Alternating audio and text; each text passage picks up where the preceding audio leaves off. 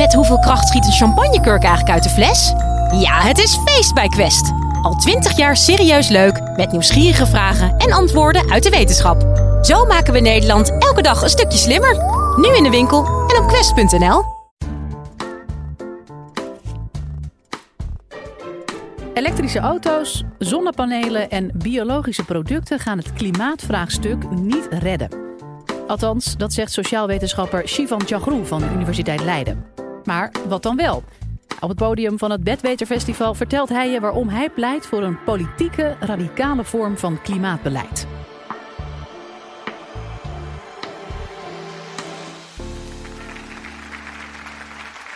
Ik wil het vandaag met u hebben over, hè, over uh, duurzaamheid en klimaatpolitiek. En um, ik wil eerst beginnen met een, een stelling. Um, de stelling is heel simpel. De stelling is: ik ben voor duurzaamheid. Ik ben een voorstander van duurzaamheid. Ik vind het belangrijk. Kijk, ik had ook niet anders verwacht, hè, dit uh, progressieve publiek. Hè, iedereen is voorstander van. Maar dat is tegelijkertijd ook het grote probleem. Het maakt het moeilijk om kritisch te zijn op uh, duurzame projecten, op duurzame technologie. Omdat we allerlei blinde vlekken hebben, omdat we zo makkelijk meegaan met dat discours. Um, ik ben eigenlijk voorstander voor het afschaffen van duurzaamheid. Um, nee, ik ben geen klimaat ontkenner, anders zou ik hier niet binnenkomen waarschijnlijk. Um, ik ben uh, uh, kritisch op duurzaamheid en ik stel een alternatief voor. En het alternatief is klimaatrechtvaardigheid. En in de komende tien minuten zal ik proberen uit te leggen waarom. Er zijn eigenlijk een aantal simpele vragen die je moet stellen als je wilt weten hoe uh, inclusief of exclusief is duurzaamheid. En dat zijn deze drie vragen. Eén, heb ik er het geld voor? Twee, heb ik het sociale netwerk? En drie, vind ik het belangrijk. Um, ja, op deze manier kun je eigenlijk in kaart brengen uh, in hoeverre duurzaamheid maatschappelijke ongelijkheid in stand houdt. De eerste vraag, heb ik er het geld voor? Um, heb ik er het geld voor? Nou, de eerste vraag is heel simpel. Heel veel mensen hebben simpelweg niet het geld voor. Duurzaamheid is een ander woord voor duur. Uh, voor heel veel mensen betekent het gewoon uh, een extra, een bonus, een add-on. Heel veel mensen hebben niet het geld om die elektrische auto te kopen, die warmtepomp te kopen, biologisch stuk vlees te kopen, zonnepanelen te kopen. Dat zijn simpelweg te, duur, te dure producten voor, voor heel veel mensen. Past gewoon niet in hun huishoudboekje. En die financiële ongelijkheid ten opzichte van, van duurzame producten en duurzame leefstijl uh, zie je ook terug in het klimaatbeleid. Uh. Delft berekende dat in 2000. 17 de klimaatsubsidies voor huishoudens uh, naar de rijkste uh, inkomens gingen. En dat was maar liefst 80% van die subsidies. En 20% ging naar de armere huishoudens, terwijl iedereen meebetaalt aan die subsidies. Het is eigenlijk een vorm van trickle-up economics, zou je kunnen zeggen. Dat is dus eigenlijk financieel onrechtvaardig. De tweede vraag. Um, sociale netwerk. Wie heeft het sociale netwerk. Je ziet eigenlijk heel veel klimaat- en duurzaamheidsinitiatieven en projecten dat er echt de usual suspects voorbij komen. Mensen met een, hè, wat ik al zei, hoger inkomen, maar ook met een hoger opleidingsniveau. Met de juiste kennis, de juiste kennissen, contacten bij de gemeente bijvoorbeeld. En die diezelfde kennis en taal ook spreken. En ik geef het voorbeeld van, uh, van de gemeente Den Haag, die een aantal jaar geleden een, uh, een duurzame, duurzaamheidssubsidie eigenlijk uh, in het leven roepte. En dat was uh, nou, een mooie subsidie. En dan kon je, als je aan de slag wil met uh, duurzame energie of duurzame voeding in, in, lokale zin, kon je daar, dus, ja, een, kon je daar een aanvraag voor indienen. Maar je moest wel door, je worstelen door zes, zes pagina's aan vernietigende beleidstaal om daar eigenlijk een beetje om, om aanspraak te mogen doen. Dus, dus wat zag de gemeente eigenlijk dezelfde mensen weer voorbij komen. Mensen die al bezig waren met duurzaamheid. Dus het is eigenlijk een zelforganiserend netwerk. De gemeente probeerde het wel te versimpelen. Ja, terug te gaan naar twee pagina's, uh, open vragen stellen, zodat eigenlijk eh, wat meer mensen ermee in, in, aanraking konden komen. Maar dit is eigenlijk nog vaak het business as usual. Je ziet dus eigenlijk een, een, een, een kloof, een groeiende kloof tussen een grijze en een een groene klasse. Dat is niet alleen een financieel verschil, het heeft ook te maken met hè, sociaal netwerk en cultureel kapitaal. Dan de derde. Um, vind ik het belangrijk Voor mijn onderzoek had ik een, een, heb ik een aantal mensen gesproken van eigen onderzoek. En ik vroeg iemand in, in, in Rotterdam over zijn, hè, zijn duurzame leefstijl, zijn gezonde voeding, want hij was heel erg mee bezig. En hij vertelde me het verhaal over dat hij met een kennis samen naar een, een bekende fastfoodketen ging. En hij zelf koos voor de ja, gezonde, hè, klimaatvriendelijke opties de salade. En zijn kennis gekozen voor de, de hamburger of de, hè, de vleesoptie. Ehm, en toen werd hem verweten dat hij dan eigenlijk een homo zou zijn, omdat hij die salade koos. Um, je ziet hier dus natuurlijk een soort van hè, homofobe machismo-cultuur, die in het klein eigenlijk naar voren komen, waarbij vlees eten echt mannelijk is. En, en, als je dat niet doet, dan, dan ben, je niet, echte, ben niet een echte man. Dat heeft ook heel veel te maken met die, met die genderstereotypering. Um, dat liet overigens onlangs onderzoek ook uit uh, uh, of, uh, van het journal Sex Roles.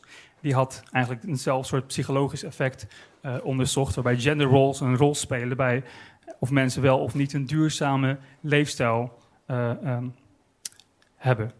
Ik, dat wil niet zeggen, hè, als je op alle drie vragen, of twee of drie van de vragen ja hebt gezegd, dat je per se duurzaam bent. Wat mij betreft heb je vooral wat ik noem groene privileges. Je hoort wat mij betreft tot een, tot een groene eco-elite die met de beste bedoelingen van de wereld hè, de wereld wil verduurzamen, de maatschappij wil uh, vergroenen, maar eigenlijk daarmee ook een hele hoop, uh, ongelijkheid in stand houdt. Financiële ongelijkheid, sociale ongelijkheid en culturele ongelijkheid. Hoe heeft het zover kunnen komen? Uh, een belangrijke oorzaak ligt eigenlijk in de neoliberalisering van duurzaamheid. En we zijn duurzaamheid gaan reduceren tot een marktkwestie, kwestie van vraag en aanbod. En dan kun je je activisme hè, botvieren in de supermarkt. En uh, als, hè, dan wordt een persoonlijke lifestyle, dan wordt een eigen verantwoordelijkheid. In het, het idee van een beter milieu begint bij jezelf, daar gaat het eigenlijk al mis. People, Profit, Planet betekent vaak hè, dat je persoonlijk verantwoordelijk wordt gesteld voor systeemproblemen. De vierde en belangrijkste P ontbreekt daar natuurlijk, de P van politiek. Politics is eigenlijk even belangrijk. Ik stel dan ook voor om dit, deze manier van duurzaamheidsdenken en daar, de invulling die daarin wordt gegeven gewoon uh, uh, uh, af te schaffen. Het is niet verboden om, om, het woord nog te gebruiken, maar wat mij betreft gebruiken we het niet meer. Het heeft zijn werk gedaan en het heeft veel perverse effecten. Mijn alternatief is klimaatrechtvaardigheid. Waarom? Omdat het veel radicaler is. Het is veel, uh, legt veel meer nadruk op machtsongelijkheid en uh, heeft aandacht voor de meest kwetsbare groepen.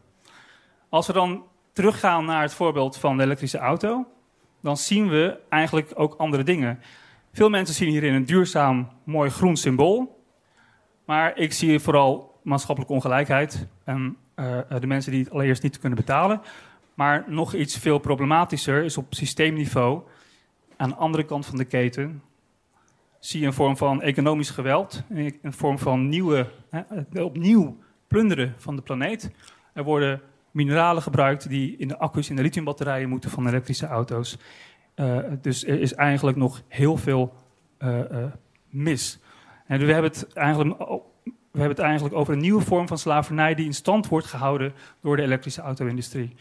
Um, we hebben het wel eens over slaafvrije chocola, maar nog niet over slaafvrije elektrische auto's.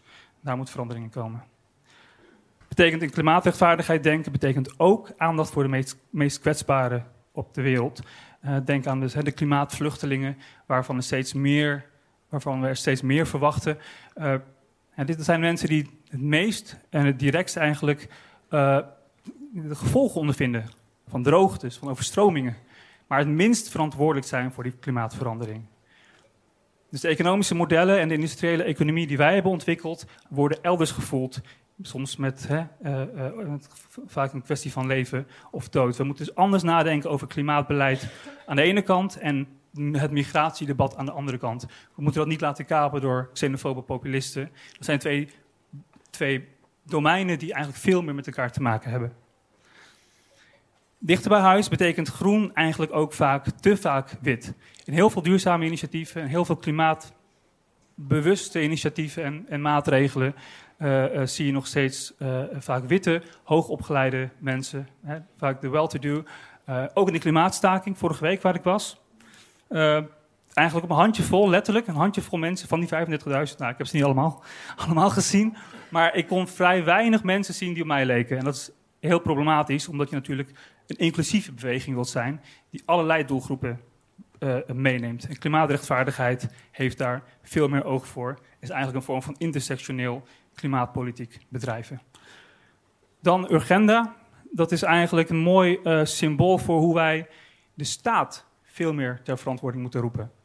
En die verantwoordelijkheid niet moeten outsourcen naar de markt. Je ziet nu de opkomst van een groen soort kapitalisme, waar, we, waar de overheid eigenlijk uh, uh, die verantwoordelijkheid voor publieke zaken, voor publieke kwesties, zoals klimaatverandering en duurzaamheid, heeft geoutsourced naar individuele burgers of de markt. En Urgenda, dus de Urgenda uh, Klimaatzaak liet eigenlijk zien dat die verantwoordelijkheid terug moet worden geroepen.